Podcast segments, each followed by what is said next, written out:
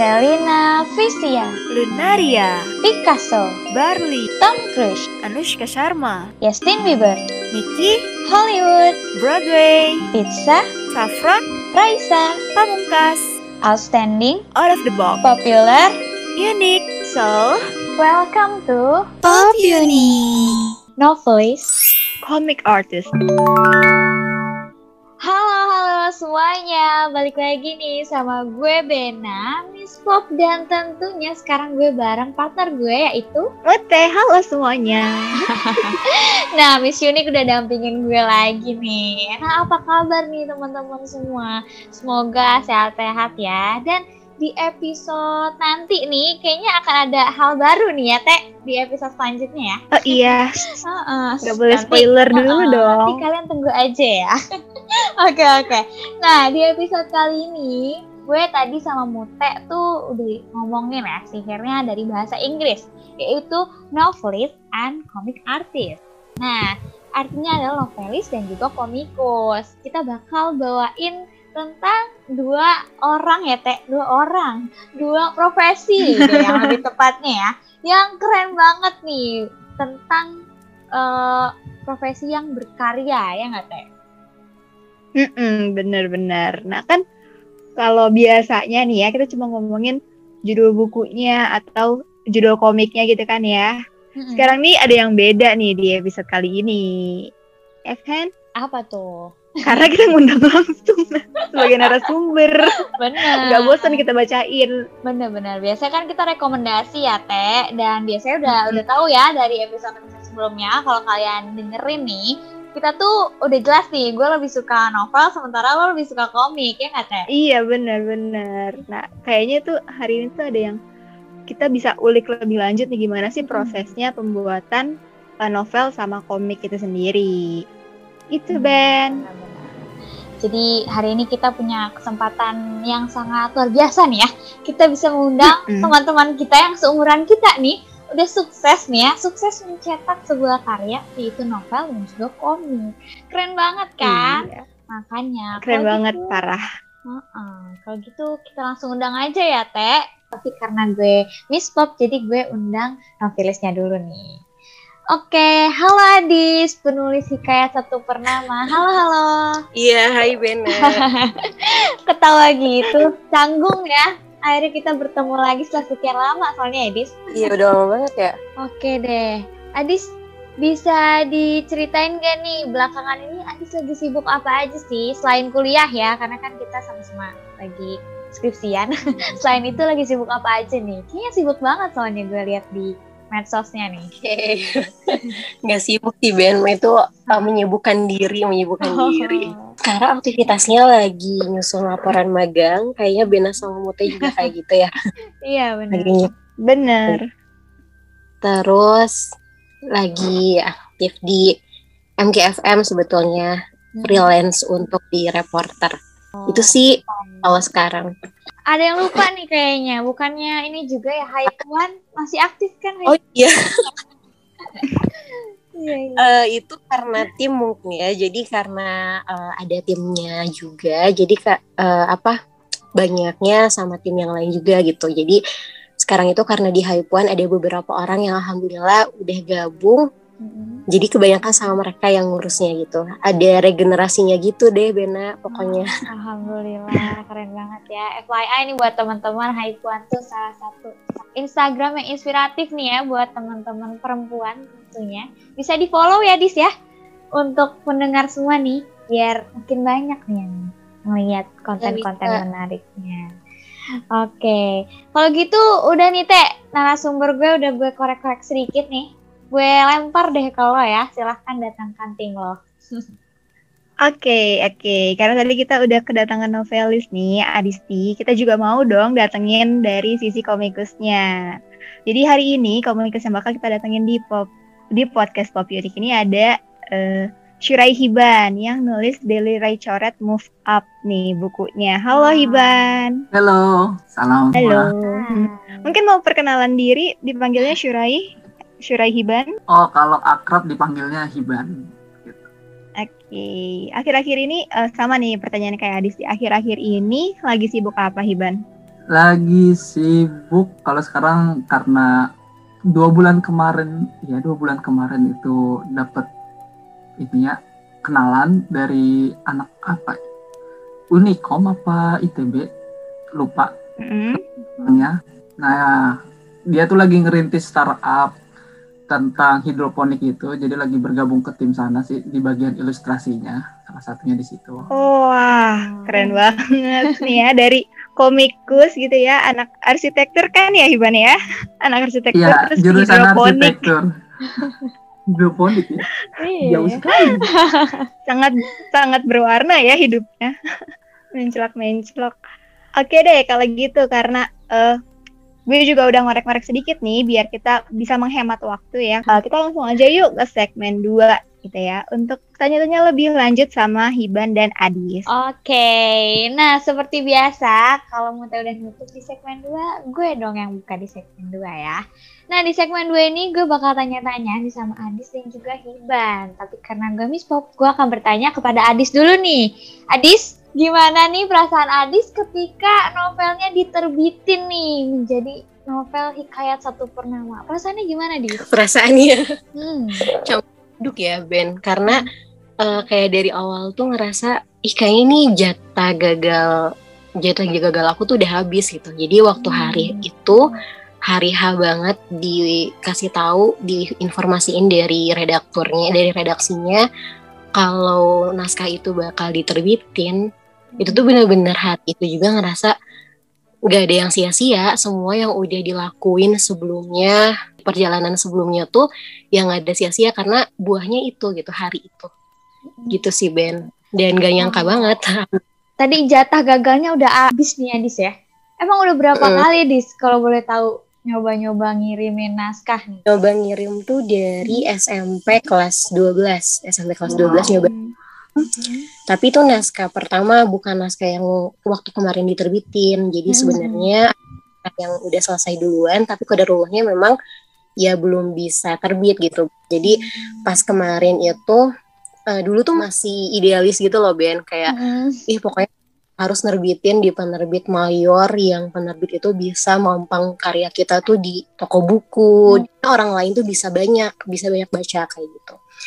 Nah sampai akhirnya ada satu titik di mana aku sadar kalau esensi dari berkarya tuh bukan itu gitu. Esensi dari berkarya tuh bukan kita dikenal orang bukan kita dapat royalti dari karya kita bukan segala esensi-esensi dunia yang memang ya pasti itu didapetin sebagai bonusnya gitu. Tapi ada hal lain yang itu tuh bener-bener apa ya bahasanya eh metafisik gitu, sesuatu Hmm. yang mungkin yang gak ada wujudnya, yang itu cuma bisa kita rasain. Dan itu adalah syukur kita gitu di mana, oh ternyata bener ya, gagal aku tuh udah habis sampai sana gitu. Gitu sih Ben. Nah, keren banget, Teh. Teman kita, Ah, Teh. parah. Keren banget ya. Iya iya.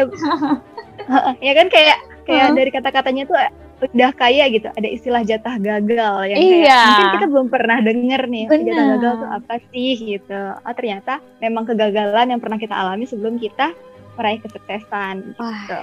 cakep. Oke karena tadi lo udah nanya ke Adis, nih gue juga penasaran Hmm. nih. Hiban Hiban eh, pas tahu nih gambarnya, naskahnya gitu diterbitin jadi sebuah komik, gimana sih perasaannya? Jadi ketawa, wah kayaknya nggak sedalam Adis ya. Aduh. Itu filsuf sekali dia. Hmm. Kalau dari diriku sendiri sih terkait perasaan pas diterbitin itu Hmm. luar biasa juga sih. Wow ya. Karena menjadi akhirnya kan kalau kita nerbitin secara tidak langsung bisa dikatakan sudah komikus ya, sudah bisa berhasil lah nerbitin suatu gambar kita tuh di penerbit Hmm. yang mana jadi Mm-mm. komikus itu udah cita-cita dari SD gitu. Dari SD ya, baru kewujudnya pas kuliah tapi kuliahnya juga arsitek sebenarnya. Kurang nyambung sebenarnya gitu. Hmm. Tapi itu suatu apa ya, momen paling berharga lah di situ menjadi salah satu titik perubahan bagi saya juga. Jadi pas nerbitin akhirnya eh kebuka lah wawasan terkait oh dunia perkomikan dunia gambar tuh seperti ini loh kayak gitu. Jadi lebih terbuka lagi wah. Hebat banget nih cita-citanya di umur Hmm. yang sepantaran kita, Ben ya. Iya. Hiban udah keraih gitu cita-citanya. Kita masih Bener. perjalanan. Nggak apa-apa ya. Kan jatah gagal kita mungkin Mm-mm. masih ada teh kata Iya, ya. mungkin. Oke oke. Benar, Jatah-jatahnya belum benar. habis. Iya belum habis. Nggak apa-apa. Yang penting kita tetap berproses ya. Oke deh. Nah gue penasaran nih ya teh. Tadi kan udah Hmm. dibilangin eh, sedikit tentang kata Adis. Jatah gagalnya udah habis nih ya. Dis tapi gue pengen tahu nih ya. Tujuan Adis nulis buku Hikayat Satu Purnama ini apa sih? Kan tadi dibilangin nih kalau naskah yang awal kan beda nih sama naskah yang diterbitin sekarang. Apakah tujuannya emang sebagai hobi yang dibayar atau ada maksud lain nih misalnya mau meningkatkan itulah literasi nih atau ada pesan apa sih di buku Hikayat Satu Purnama ini? Oke, iya Ben. Jadi eh, Ben teh waktu awal, jujur ya, waktu aku SMP, SMA juga masih mikirnya kayak, ih kayaknya ke- keren ya nanti kalau udah punya buku jadi penulis beneran, kayak tiap bulan tinggal nerima transferan gitu lah ya. Itu pikiran Benar. remaja yang ya memang bisa dipungkiri butuh itu gitu. Dulu masih mikirnya ke sana gitu kayak eh apa ya? Ya benar tadi yang Ben sempat mention ya, hobi yang dibayar gitu. Kapan lagi sih itu benar-benar anugerah yang luar biasa ya bagi manusia Hmm. ketika memang apa yang dia mau, apa yang dia suka itu ya berbuah jadi hasil gitu. Tapi ya balik lagi kalau misalnya kita mikirnya hanya sekedar duit, hanya sekedar popularitas dan lain sebagainya, ya itu bakal habis dan pasti kita bakal terus ngerasa kurang gitu Hmm. kayak kalau misalnya tujuannya duit nih terus kita lihat ih kayaknya income dari karya kita baru segini deh kayaknya orang lain udah lebih besar lebih besar nah kita ngejar orang lain tuh karena ya tadinya karena tadi doang karena orientasinya duit atau orientasinya popularitas tapi kalau misalnya kita ngejarnya hal lain kayak misalnya yang tadi Bena sempat mention juga eh, peningkatan literasi ya di negeri kita di Indonesia seenggaknya jangan jauh-jauh deh orang-orang terdekat kita mereka mau nyentuh buku, mereka mau suka buku, mereka mau cinta buku itu dulu aja. Dan yang paling penting, aku menyadari kalau ada hal lain yang memang ini orientasinya eh apa ya? Orientasinya nggak cuman aku bisa dapetin di sekarang aja gitu waktu aku masih hidup sekarang, tapi nanti setelah mungkin aku udah nggak ada lagi di dunia ini, yaitu ya ketika karya kita tuh jadi jariah, jadi kebaikan yang ketika kita nggak ada itu terus ngalir gitu kebaikannya. Dan kebayang nggak sih kalau misalnya kita punya karya nih, terus kita udah nggak ada kayak penulis-penulis sekarang aja deh yang kita tahu gitu ya. Banyak kayak Sapardi, yang Sapardi, Buya Hamka dan lain sebagainya udah nggak ada. Tapi karya-karyanya masih kita baca gitu atau di buku-buku mata kuliah yang kita baca kayak gitu. Jadi ya itulah uh, tujuan-tujuan yang memang nggak sampai ketika kita di dunia aja gitu. Gitu Ben. Wah, Adis nih kau jawab bikin gue speechless mulut teh gimana dong? Oke oke. Masya Allah. Masya Allah ya. Jadi tujuannya bukan cuma di dunia ya meningkatkan literasi yang hal baik, tapi untuk nanti amal jariah kita ketika kita sudah tiada karena setiap yang bernyawa itu kan pasti akan tiada ya. Gitu teh. Aduh teh lanjut deh teh keluar teh gue lempar gue rada speechless. Oke deh, oke deh. Kalau tadi eh, Adis nih jawabannya dalam banget nih kita juga pengen tahu nih dari sisi eh, Hiban yang penulis Rai Coret. Eh, gimana sih menurut Hiban? Apakah ada tujuan misalnya ya seperti yang tadi Adis bilang ada uang gitu atau kalau yang gue lihat kan soalnya gue pernah lihat Instagramnya Rai Coret nih itu kan emang isinya lebih juga mengajarkan dakwah kayak Rara Nusa gitu kalau nggak salah ya. Kalau menurut Hiban gimana Ban? Sama speechless dengan Adis dia tadi tuh. Luar biasa. Oke, tapi kalau dari sisi Ray Coret, kenapa bikin akun Ray Coret, kenapa akhirnya tercetus Ray Coret juga ya tujuannya? Mm-mm. Itu nggak pernah kepikiran ke uang sih, sama sekali nggak pernah ada dapat Hmm. pemasukan dari sana. Karena di awal tahun 2019 itu kan akun Ray Coret baru kebuat tuh, baru ada. Nah, sebelumnya itu niatnya itu lebih bagaimana gambar saya bisa diketahui orang lain sebatas kayak gitu. Biar orang tahu oh ada ada seorang hiban yang dia menggambar ini loh kayak gitu. Nah, tapi kalau di Ray Coret ini karena lagi booming ini ya, ajar-ajar Islam secara media kayak gitu, akhirnya coba nih mikir apa ya yang beda dari desain-desain tapi dia juga bisa menjadi perantara nilai-nilai tersebut gitu. Nah kebetulan di tahun 2019 itu juga akun-akun ilustrasi yang dia membawa nilai-nilai Islam tuh masih dikit. Mungkin kalau sekarang kita lihat Hmm. gitu atau apa si Abian atau siapa lagi ya? Udah pokoknya teman-teman e-komik lah kayak gitu. Itu masih dikit lah. Nah di situ akhirnya kepikiran ya udahlah kayaknya ini bisa menjadi salah satu wasilah juga gitu untuk menyampaikan nilai Islam yang lebih friendly. Khususnya kan kalau gambar itu orang pada lebih suka ya apalagi anak-anak khususnya gitu. Nah ini kayak pendekatannya lebih pas gitu dengan membawa gambar dan ada nilai-nilai keislamannya Kemudian salah satu alasannya juga terkait industri kreatif di Indonesia gitu. Soalnya iri loh saya pribadi dengan SD itu kita mengkonsumsi banyak eh, tokoh-tokoh kartun dari Jepang, dari Barat gitu. Tapi dari Indonesia sendiri yang dia berbagai budaya macam-macam budaya banyak, terus banyak sejarah dan sebagainya, tapi nggak pernah keangkat gitu. Apalagi dengan mayoritas orang-orang Islamnya juga, nilai-nilai Islamnya juga nggak keangkat. Nah, apa sih yang bisa kita lakukan peran apa yang kita bisa berikan gitu. Nah, salah satunya ini mungkin sedikit peran dari saya untuk kemajuan industri kreatif Indonesia juga dengan membuat akun Rai Coret. Wah, sama nih Iya. jawabannya sama Adis ya kan? Ah, benar. Berangkat dari eh, waktu kecil pengen eh, komik yang dari Indonesia nih, komik lokal gimana sih? Terus akhirnya berangkat ke eh, pengen ilustrasinya dilihat orang gitu ya, karena kita punya skill nih, kita pengen orang-orang tuh tahu skill kita, mungkin bisa menghasilkan sih dari skill kita itu. Terus juga jadinya merambah ke media dakwah yang lebih friendly. Wah keren banget sih Ah, perjalanannya benar, dari benar, kecil, dari cita-cita itu sampai kesampaian dengan perannya yang apa ya bisa dibilang hebat kan? Soalnya belum banyak gitu komik-komik Islam, komik-komik dari Indonesia kayak Hiban. Benar. Ya nggak, Ben? Bener banget. Jadi tujuannya dua-duanya sama-sama baik dan lewat jalur yang wow di umur sekarang gitu ya. Me- apa ya melangkah ke sesuatu yang kita butuh konsistensi nggak sih untuk menciptakan karya-karya kayak gini gitu kan.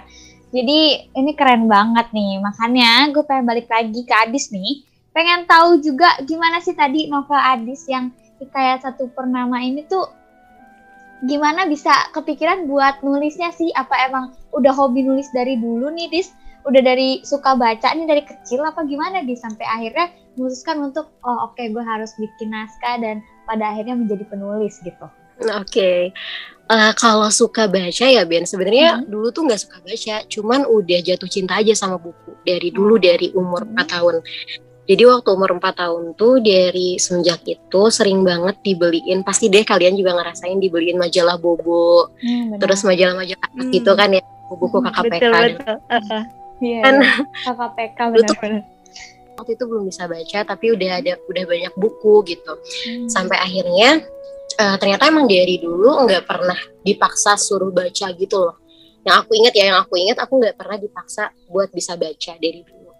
Tapi pas aku lihat buku tuh ya tadi gitu kayaknya benar di orang-orang kayak Hiban gitu ya yang berperan di bidang iya komik gambar dan lain sebagainya itu sangat membantu banget buat anak-anak ya khususnya karena aku ngerasain banget dulu waktu aku kecil aku suka banget buku-buku yang banyak gambarnya gitu jadi walaupun belum bisa baca tapi udah tertarik, udah jatuh cinta duluan gitu sama buku. Sampai akhirnya waktu umur lima tahun bisa baca dan seneng baca aja jadinya seneng baca semua buku gitu. Sampai akhirnya seneng baca dan titik pertama di mana aku mau buat nyoba nulis tuh kelas 3 SD. Aku ingat banget novel eh, novel pertama yang dikasih orang tua aku itu novelnya Buya Hamka judulnya Hikayat Satu eh Hikayat Satu Purnama. Novel kamu dong itu, Bang. Iya, iya. Oh, Van der Wijk Hmm. itu kelas 3 Oke. SD. Wow, Wonderweed. Iya, iya.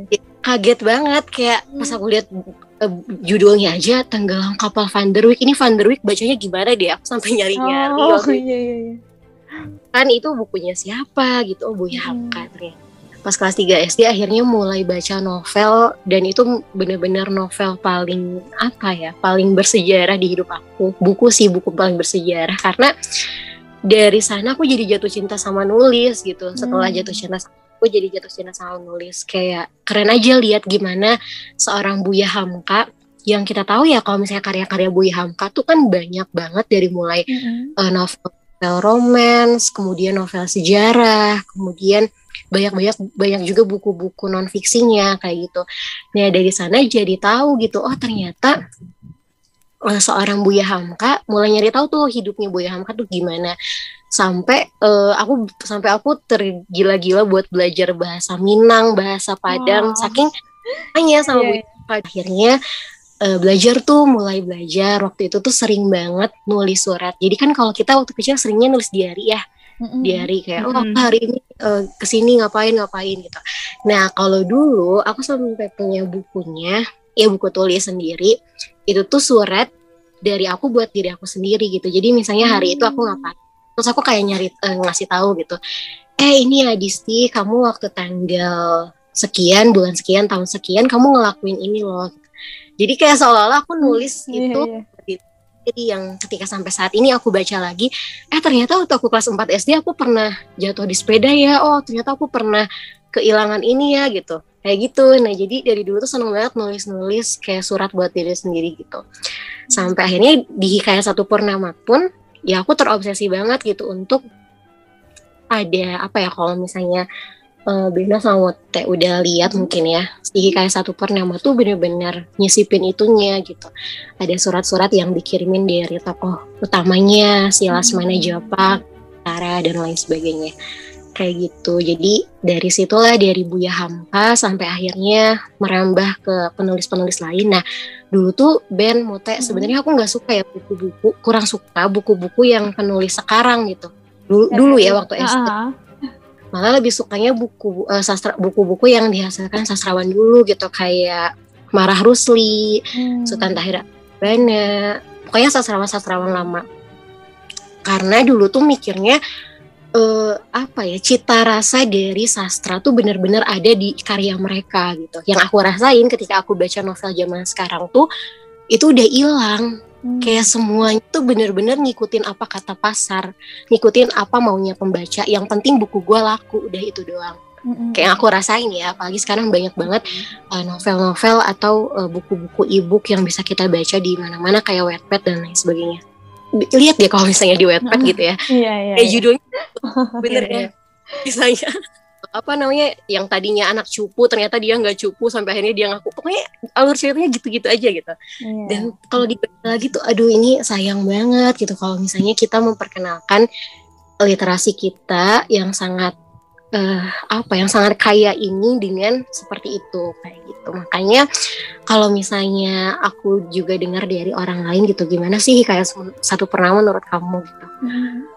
Eh, dulu tuh alasan salah satu alasan penerbit nolak aku mereka pernah nyampain gini kalau misalnya yang ngirim karya naskah kamu ini Asmana dia bilangnya gitu dia langsung nyebutin nama kalau yang ngirim naskah ini Asmana dia saya akan terima dan langsung saya terbitkan bilangnya gitu Waduh. so aku aneh.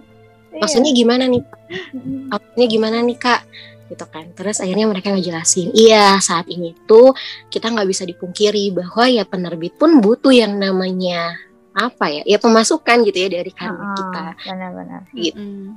dan ketika mereka mungkin melihat aku juga gitu ya kamu siapa sih? Gitu. Mm-mm. Eh, apa dikenal orang-orang enggak bukan siapa-siapa lah intinya kamu punya naskah kayak gini gitu. Intinya cari eh, eh tulis sesuatu yang memang disukain sama pasar kamu. Dulu tuh dituntutnya itu. Benar-benar. tapi sampai akhirnya eh waktu itu aku mencoba buat bukan nggak idealis ya mencoba buat nurunin ego aja oke aku nulis sesuai eh, bukan sesuai apa kata pasar aku nulis tetap dengan idealisme aku.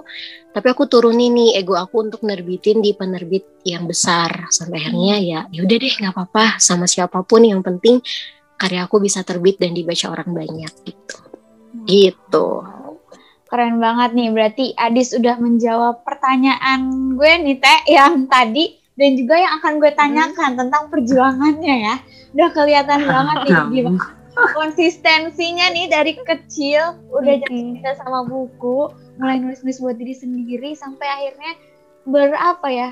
bertemu dengan hal-hal yang komersial dan berperang dengan idealisme tuh tadi ya. Sampai akhirnya bisa menerbitkan hikayat satu purnama ya. Keren banget, keren banget.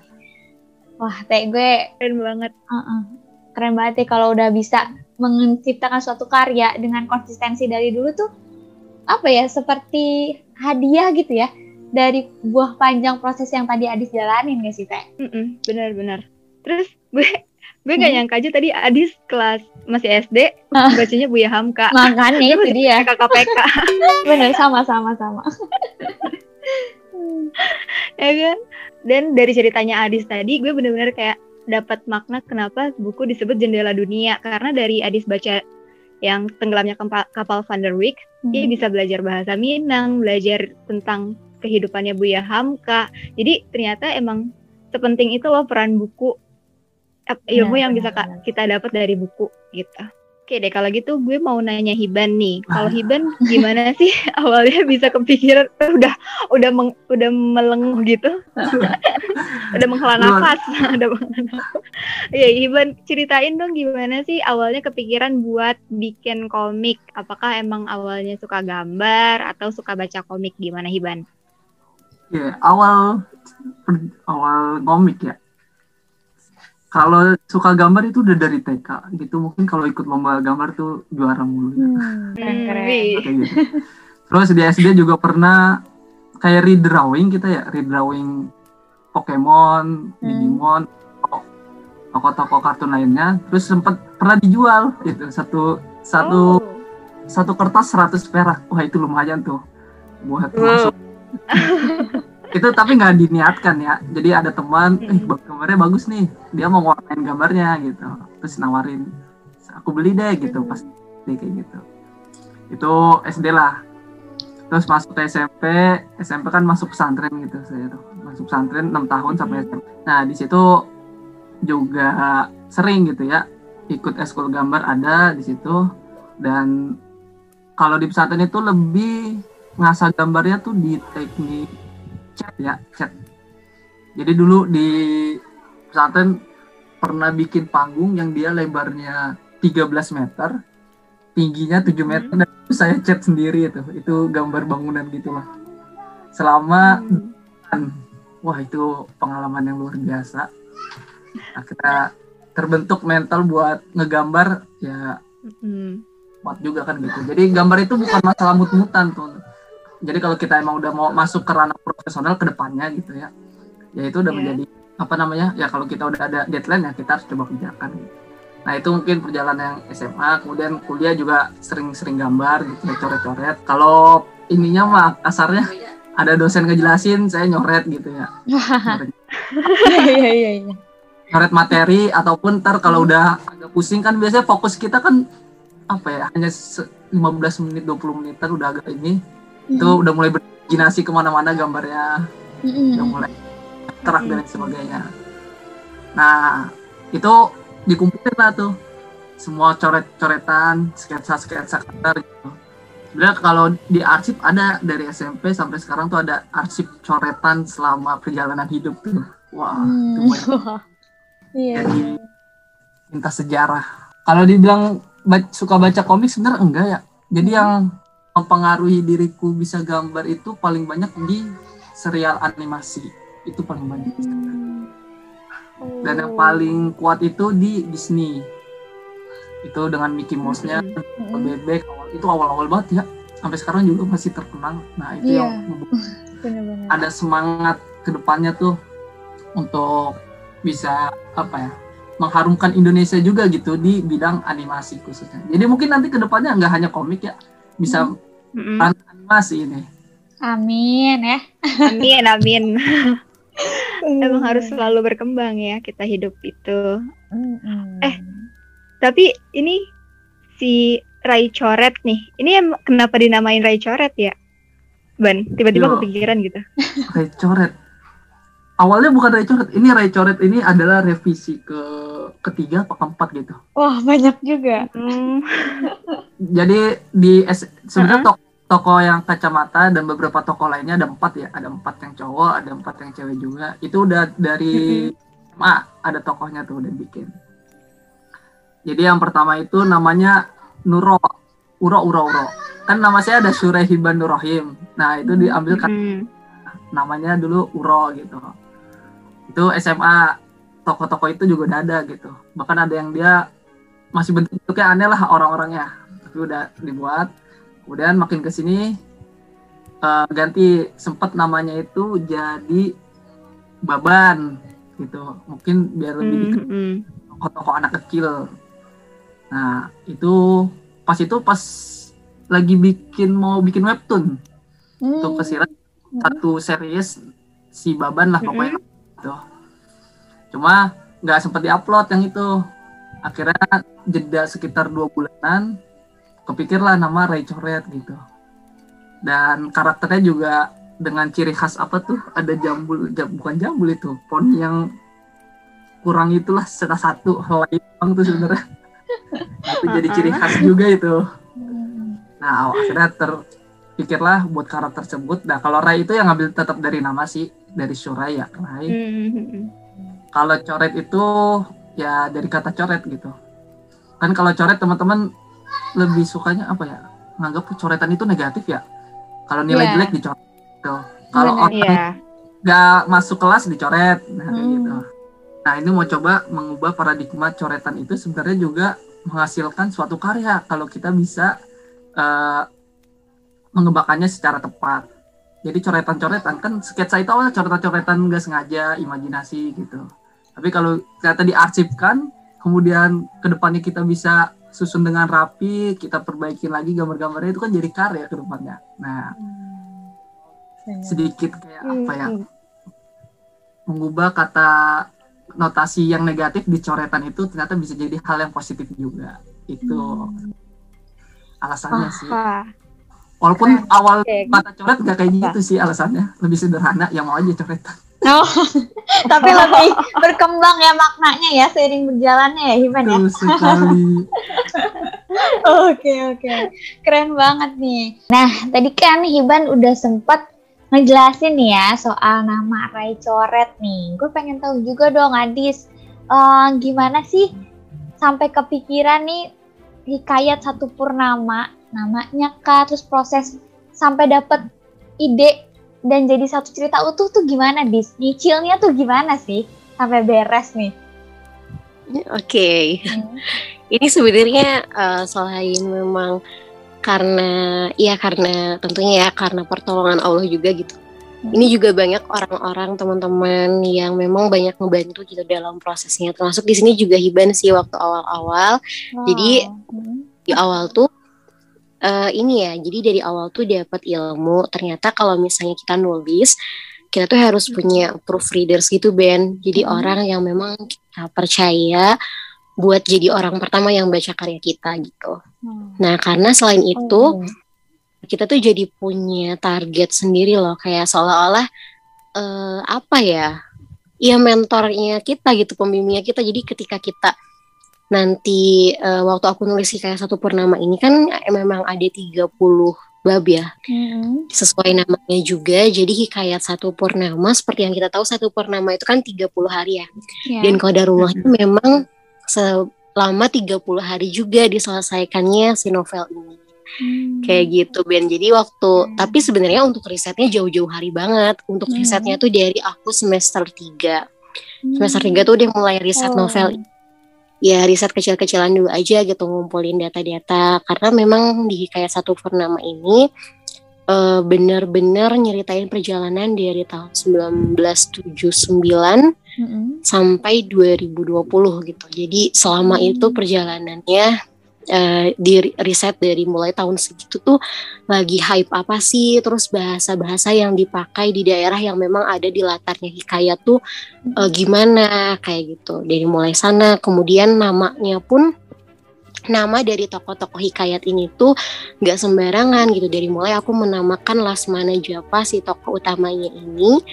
Lasmana itu Lasmana Japa itu artinya doa dan usaha. Jadi kalau misalnya kita lihat di kamusnya Jawa di Jawa Kromo tuh eh, bahasanya itu gitu Lasmana dan eh, Lasmana Japa tuh da- da- apa doa dan usaha. Kemudian namanya Kesara, Kesara tuh dari bahasa Sanskerta. Eh, artinya teratai. Waktu itu aku kepikiran setelah baca eh, puisinya Sultan Pane. Jadi Sultan Pane tuh tahun 70 kalau nggak salah pernah ada punya pernah nulis puisi tentang teratai. Ternyata di mana teratai itu yang kita tahu kan kalau misalnya kita belajar biologi waktu SD SMP, dia tuh punya ini ya, punya ruang nafasnya tuh di bawah air ya, ya nggak sih? Mhm. Iya benar-benar. Nah dia punya kehidupan yang dia sembunyikan gitu. Hmm. Eh, ibaratnya gitu, eh, yang aku tangkap dari puisinya Sultan Pane. Akhirnya ya terpikirlah nama Kesara dan nama tokoh-tokoh lainnya pun dipikirkan yang emang risetnya dari jauh-jauh hari. Jadi pas 30 hari nulis hikayat satu purnama tuh risetnya udah selesai kayak gitu. Aduh, keren banget. Soalnya konsistensinya itu ya, Dis ya. Dari ti- Iya. semester tiga gitu ya. Kita nggak tahu nih, Teh. Dia lagi riset-riset nih, Teh ya. Sementara kita sibuk kuliah Uh-uh. doang. Wah. Dan akhirnya bisa Padahal Hah? padahal semester 3 tuh kita lagi sibuk-sibuknya banget. banget. Kayak kepala mau pecah. Ah, betul, betul, betul. Tapi Adis bisa nih ya dari riset konsisten sampai akhirnya 30 hari ya, Dis. Dan jadilah hikayat satu purnama dengan berbagai makna dan wow risetnya mantep banget sih. Gue baru tahu sih dari Adis nih sekarang. Keren keren. Sebenarnya gini, eh, aku ngutip dari perkataannya Terelia. Terelia pernah bilang gini, Ya. eh, beliau tuh kalau ditanya, bang gimana sih bang kalau misalnya kita lagi buntu, terus kita nggak tahu nih, misalnya kalau orang yang nulis dia eh, apa ya war- warna tersebut gitu, dia nggak tahu mau nulis apa. Kalau misalnya yang gambar pun mungkin ya bingung gitu mau gambar apa. Nah, Tere tuh pernah bilang gini, kalau misalnya kita udah jatuh cinta, kita bakal berkorban apa pun buat apa yang kita cintai katanya gitu. Dan Wow. bagi dia tuh nulis tuh udah nulis tuh udah benar-benar apa ya ya dia tuh udah jatuh cinta sama dunia tulis menulis gitu sampai akhirnya ya ketika dia nulis tuh dia seolah-olah sedang mengekspresikan cintanya kayak gitu Mm-mm. makanya dari sana pun aku belajar gitu oh ternyata walaupun di tengah kesibukan kita kalau kita ya gimana sih kalau saya kita suka sama orang atau jatuh cinta sama orang pasti kita ada satu momen di mana kita mau berkorban buat dia gitu ya itu benar-benar esensi dari cinta kan ya. Nah begitupun aku nulis gitu, aku mau ada satu waktu di mana aku berkorban buat mengekspresikan cinta aku gitu. Ada satu waktu yang aku pilih di 24 hari aku, eh di 24 jam di hidup Hmm. aku, ada beberapa waktu yang memang khusus buat nulis. Jadi walaupun kita sibuk gitu ya, tapi ad- waktu itu waktu di mana khusus aku buat nulis nggak boleh terganggu sama apa pun gitu. Hmm. Gitu Ben. Oke, jadi itu ya tips konsistennya mengutip dari penulis ternama sekarang nih Terelie ya. Wah keren nih. Adis tuh gue nanyanya, ah dia tuh jawabnya sampai jawaban D yang gue pengen loh teh. jadi silakan ya kepada Mute yang masih pengen ngorek-ngorek lagi nih tentang Hiban karena gue udah cukup banget nih dari jawaban Adis tentang prosesnya sampai gimana tadi biar gak stuck dan konsisten. Oke deh, kalau Hiban gimana Ban? Eh, bisa ceritain dong gimana awalnya bisa dapat ide dari Uro ke Baban ke Rai Coret sampai jadi satu cerita yang utuh. Oke, satu satu cerita yang utuh. Sebenarnya bukan satu cerita yang utuh. Jadi kompilasi jatuhnya itu kompilasi. Daily Ray Colet itu kompilasi pesan-pesan singkat gitu ya terkait hikmah-hikmah kehidupan aja. Lebih ke sana sih. Oke. Nah, kalau tadi Adi sempat berbicara cinta ya, ya itu sih benar. Cinta dan patah hati menjadi energi yang luar biasa saat kita ingin membuat karya. Jadi kalau nggak lagi cinta sesuatu, ya teman teman tuh biasanya kalau lagi galau tuh itu puitis banget tuh. Wah jadi karya tuh bagus juga. Kalau mau dibukuin bakal laku sih mungkin. Oh, benar benar benar benar. Galau pun bisa jadi karya ya, Ban ya. Mm-mm. kalau Fiersa Bersari kan kayak gitu. Iya, benar. kalau cerita utuh itu perjalanannya karena 2019 itu udah mulai aktif di IG ya. Jadi pas itu tuh konsistennya itu satu pekan satu konten. Satu pekan satu konten di up di IG dan alhamdulillahnya 2019 itu konsisten gitu. Bahkan sampai bisa dikatakan mungkin enam bulan setel- dari awal Januari sampai enam bulan ke depan tuh itu konsisten gitu. Nah, mungkin kalau ada kegiatan kuliah kan akhirnya kita mengikuti juga ya mengatur jadwal ulang lagi kadang ada sempat jadi dua sekali tapi kalau bisa ya sebulan sekali gitu itu semini minimalnya sebulan sekali harus ngepost di akun IG dibukukan nggak pernah kepikiran buat dibukukan ya komik tersebut jadi karena Mm-mm. memang niatnya itu hanya bagaimana teman-teman bisa mendapatkan pesan-pesan yang eh, diberikan terus gambar saya juga bisa tersampaikan secara eh, optimal ke, eh, ke halayak juga. Jadi awal bikinnya itu dari 2019 kemungkinan Januari Februari Maret April Mei ya sekitar Mei itu akhirnya ada penerbit yang kontak gitu. Penerbit namanya Kaisa Media editornya langsung Heeh. dia langsung kontak DM nanya-nanya nanya-nanya. Oh terus dia bilang kalau mau dibukukan gimana? Wah itu tempat tersontak gitu ya. Nah tapi dua hari sebelum penerbit itu ngontak ada dari Jakarta ya lupa sekolah Jakarta itu ada yang mau minta pelatihan workshop komik gitu. Padahal saya juga baru ngerintis itu kan baru masih masih ini pemula sekali lah baru empat bulan tapi Iya, udah ada yang iya. minta workshop komik. Mm-mm. Wah, itu luar biasa. Mungkin teman-teman wih baru bikin ternyata udah bisa diundang kan mikirnya kayak gitu ya. Kayak luar biasa banget. Pas sepakan lah sepakan itu nggak jadi ditolak gitu. Karena udah nemu pemateri yang lain katanya gitu. Nah tapi ternyata alhamdulillah yang dari penerbit itu di ACC yaudah kalau mau lanjut ayo gitu lanjut.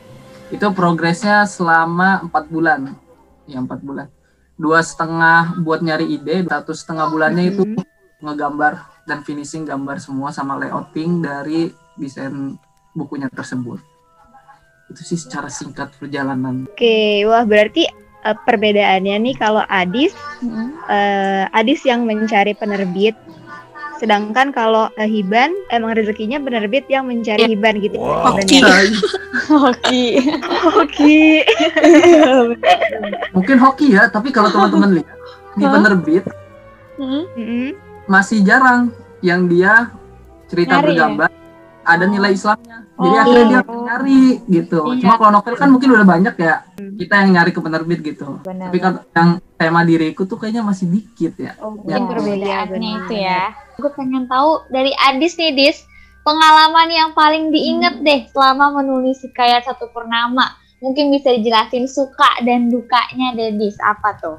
Eh, waktu awal kan tadi ya nulis kayak satu purnama ini tuh plot 30 hari gitu. Jadi Hmm. selama nulis eh ya Iban juga apa eh, nyaksiin gitu ya. Dia diteror setiap hari aku kirim-kirimin naskah gitu. Jadi Mm-mm. Tuh bahkan Hmm. kalau satu hari belum selesai itu naskah di bab kan per bab ya ngerjainnya. Itu kayak udah nggak bisa tidur aja gitu. Pokoknya dari semenjak kayak satu purnama itu diproses di bulan Agustus itu bener-bener apa ya? eh aku ngerasain capek yang nikmat gitu loh Ben. Hmm. Jadi capek tapi nikmat gitu. Kayak seneng aja ngejalaninnya. Eh, ngerasain capeknya, ngerasain kurang tidurnya dan lain sebagainya gitu. Tapi seneng bawaannya gitu. Terus setiap selesai nulis satu bab itu pasti sebelum ke bab selanjutnya untuk nulis aku baca lagi dari awal Hmm. supaya dapat feel-nya kan, supaya dapat Hmm. feel-nya sampai akhirnya ya selesailah rampung di kayak satu purnama ini.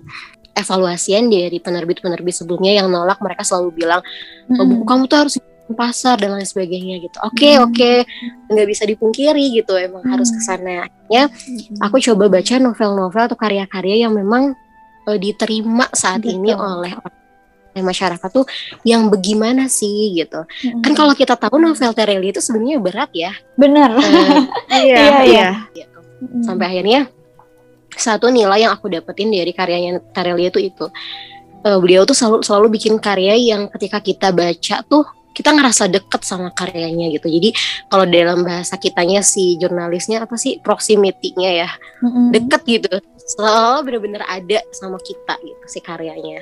Nah kayak Hmm. gitu. Jadi dari sana dari penulis-penulis zaman sekarang aku belajar banyak hal juga gitu di mana ya karya kita bisa diterima sama masyarakat. Eh, ada pernah ada ada satu orang eh, yang aku juga baru kenal di Instagram nanya gini. Eh, dia waktu itu sempat baca buku aku, dia sempat beli.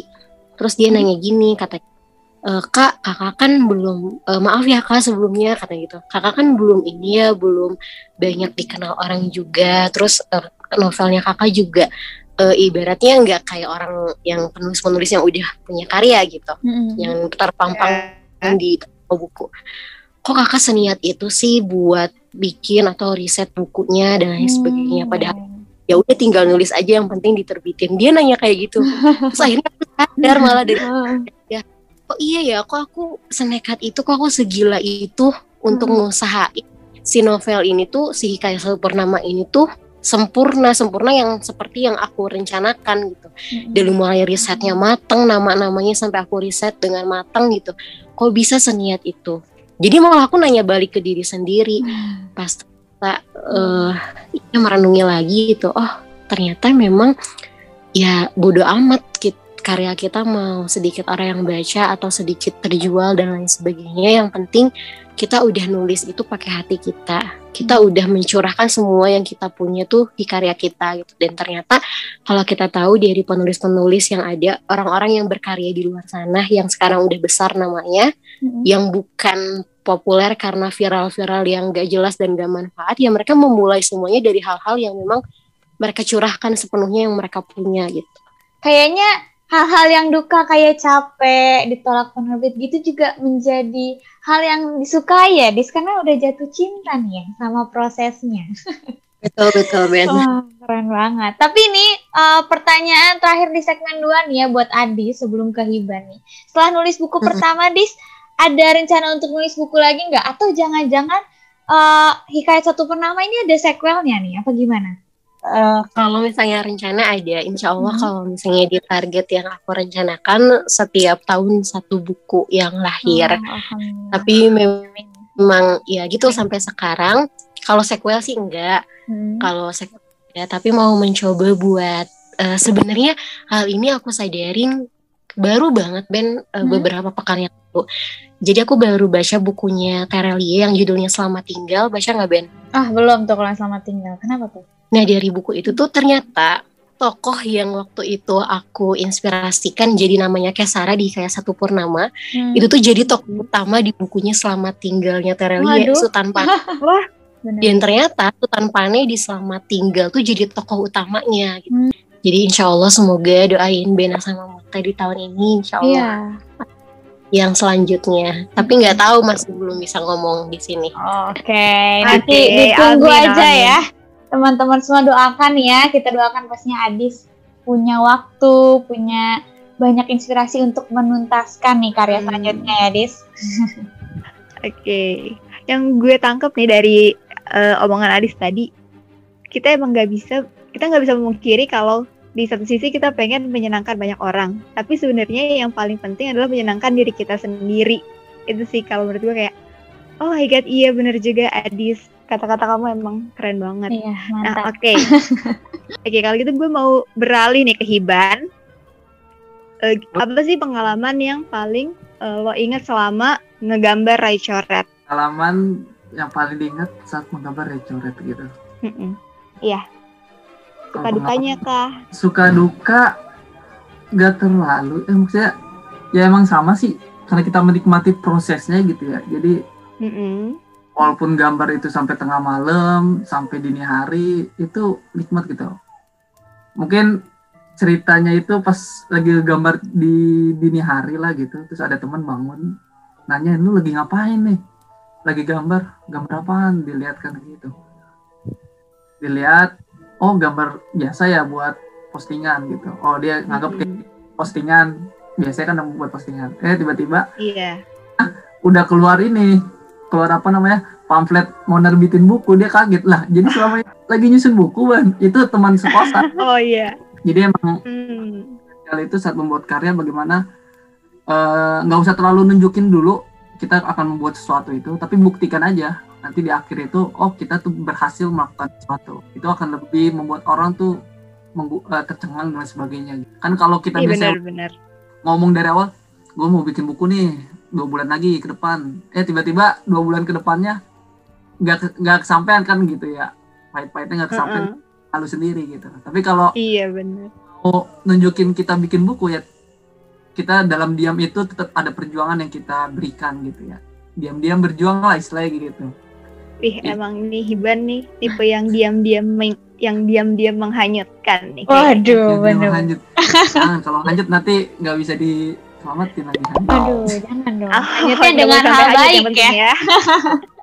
Paling kalau oh, iya, gitu. itu pas orang tua nggak mm -hmm. terlalu interest ya dengan apa mm. yang kita hmm. lakukan itu sih. Mm. Kalau gambar identiknya masih kayak ini ya. Ih gambar doang emang masa depan mau ngapain kan gitu. Iya benar. Stigma ya masih melekat ya. Stigmanya tuh masih kayak gitu karena hmm, memang iya, benar. kita kan zaman-zaman apa tuh yang masih zaman sekarang lagi eh zaman-zaman dulu banget. Hmm. Kalau itu hal yang mungkin harus dilawan secara mental pribadi gitu itu yang Oh menjadi iya. agak duka ya di saat kita progres menggambar itu tapi itu karena diriku uh, mengambil energi di dalam tapi bukan dari luar jadi introvertnya itu agak nggak terlalu peduli dengan lingkungan keluar yang penting dalam diriku ya ingin melakukan ini ya udah lakukan aja dan berikan yang terbaik itu sih Pak. Bagus banget. Bukan ya, yang emang. Kalau terbaik udah ya. ngasih Heeh, kalau udah ngasih yang terbaik tuh kita bawaannya kayak nothing tulus aja jadi ya udah biarin orang mau ngomong apa gimana ya udah bodo amat gitu terakhir nih pertanyaannya setelah nulis komik yang ini nih yang udah jadi buku ada lagi nggak rencana buat bikin komik lagi kan Ray Coret itu kan kompilasi kan siapa tahu ada sequelnya gitu ban kalau sequel sih enggak ya. Karena itu Mhm. kompilasi ya jatuhnya. Tapi ke depannya diriku tuh udah mulai teralihkan dengan visual storytelling namanya. Jadi bukan komik. Nah sekarang udah mulai tertariknya sama visual storytelling. Teman-teman mungkin tahu. Mm. kalau yang paling hype yang di kalangan yang biasanya saya tahu tuh Sol Ayub gitu. Itu yang awalnya. Cuma kalau udah ngelihat tokoh-tokoh ilustrator Indonesia yang udah melalang buana ke berbagai mancanegara nah ternyata Mhm. soal storytelling ini udah banyak dibuat gitu nah kemungkinan sih next bakal mencoba ke sana gitu melihat Hmm. ternyata tuh gambar tuh ke mana sih kan kalau gambar luas ya Iya, iya. orang tuh kalau gambar taunya gambar komik gambar ini aja tapi sebenarnya kalau kita udah masuk ke bidang gambar nih itu luas banget gitu Oh, Oke, jadi itu ya Wow. nextnya dari Hiban ya. Kalau Adis tadi pengen bikin lagi ya, setiap tahun insya Allah satu novel dan Hiban lebih ke tadi ya storytelling itu ya. Wow, keren keren keren. Oke Dete, kita udah cukup nih ya di segmen 2 ya. Kita mending langsung ke segmen 3 untuk nanya pendapat nih antara novelis dan komikus kita ya Teh. iya betul Oke. oke deh kita langsung aja ke segmen 3 Gue lagi nih ya nanya duluan buat Adis nih Dis. Memandang sosok penulis itu sebagai apa sih? Apakah menjadikan hal ini sebagai profesi atau bentuk aktualisasi diri Adis nih?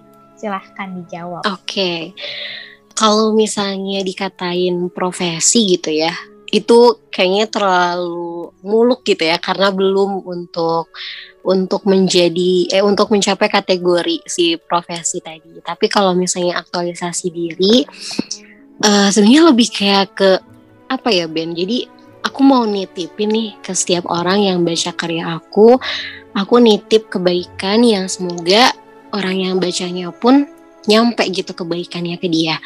Jadi kalau misalnya kita sekarang tuh banyak banget buku-buku yang beredar di luar sana, karya-karya yang beredar di luar sana.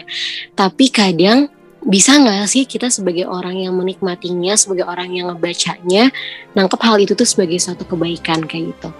Aku selalu bilang kalau misalnya ya menulis ini tuh sedekah aku gitu. Aku nggak punya apa pun di dunia ini yang besar untuk aku kasih ya ke orang lain gitu. Selain ya ini menulis yang memang dengan tulisan inilah aku bersedekah ke orang-orang.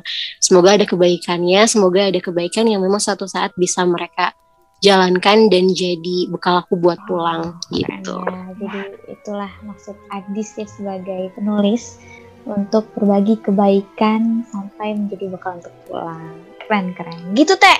Oke, mantap sekali Adis. Oke deh kalau gitu kita beralih nih ke Hiban. Kalau Hiban memandang sosok komikus itu seperti apa? Apakah uh, Hiban ini menjadikan komikus ini sebagai profesi atau seperti yang tadi Hiban bilang mungkin pengen beralih ke visual storytelling atau bagaimana? kalau profesi kalau dulu mah SD menganggap komikus itu ke depannya menjadi profesi gitu mungkin kalau sekarang juga masih ada sedikit cita-cita tersebut ya untuk nanti ke depannya tuh seperti itu jadi mau kayak full time tuh ngegambar kerjanya gitu. tapi kalau kita melihat realitanya memang di industri gambar itu sendiri itu masih sangat-sangat tidak stabil khususnya di Indonesia kalau secara profesi sih mungkin ke depannya akan ya gitu ya akan ke sana ke arah sana tapi kalau untuk sekarang ya Mm-mm. di wadah salah satunya wadah untuk mencari kebermanfaatan gitu ya karena kalau tagline Mm-mm. ini nih coret-coret bermanfaat jadi dari coretan sebar manfaat gitu aja kedua Oke. sebagai ini juga wadah emosional kita ya. Biasanya kan kalau kita mau curahkan karena ti- diriku bukan tipikal orang yang curhat gitu ya, jadi nggak ada teman curhat sama sekali. Jadi Hmm. curhatnya Mm-mm. Mm-mm. Nah, itu jadi buat mengekspresikan diri tuh ya lewat gambar aja. Nah, itu memang harapannya ya kita jangan terbebani oleh ekspektasi orang lain gitu saat menggambar. Hmm.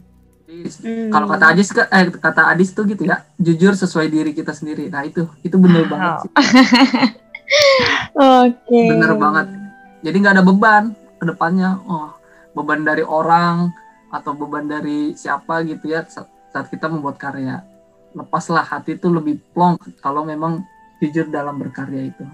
Oh, Oke, keren Oke. banget ya. Dua tujuan Hiban juga sama dengan tujuan Adis juga. Intinya sama-sama niatnya adalah untuk kebaikan ya dan menjadi diri sendiri dalam berkarya. Wah, keren banget. Oke deh. Untuk eh Mute nih Teh, kita udah beres ya bertanya-tanya kepada novelis dan komikus kita nih ya Mm-mm. dengan jawaban pamungkas dari Adis dan juga Hiban di segmen ketiga ini. Nih kita mau makasih dulu nih sebelumnya ya buat Adis juga Hiban udah sempetin ke sini nih ke Pop Unik. Semoga juga Pop Unik bisa bermanfaat nih episode kali ini dengan cerita dari novelis dan komikus kita yaitu Hiban dan Adis. Makasih banyak ya Hiban dan Adis. Makasih Oke. banyak, Hiban sama Adis. Sama-sama semua. Nah, kita tadi udah ngobrol banyak banget ya sama Adi, sama Hiban, dan kita udah cuap-cuap akhir nih ya, mendapatkan apa ya namanya statement akhir dari dua eh, profesi yang keren banget nih, yaitu novelis dan komikus kita. Maka dari itu di segmen 4 kali ini, gue akan memberikan rangkuman nih, seperti biasa yaitu hari ini kita udah ngomongin gimana awal mulanya sih Adi sama Hiban sebagai komikus dan novelis memulai eh, karyanya nih ya, memulai untuk membuat karya. Apakah mereka dari hobi, tadi dari ceritain juga dan rata-rata tuh tadi dari kecil ya Teh, konsisten banget gak sih mereka untuk menciptakan sebuah Heeh. karya? Mereka tuh udah suka dari kecil, dari tadi kalau Hiban gambar-gambar, kalau Adis tuh dari eh, baca dan juga nulis-nulis nih untuk dirinya sendiri.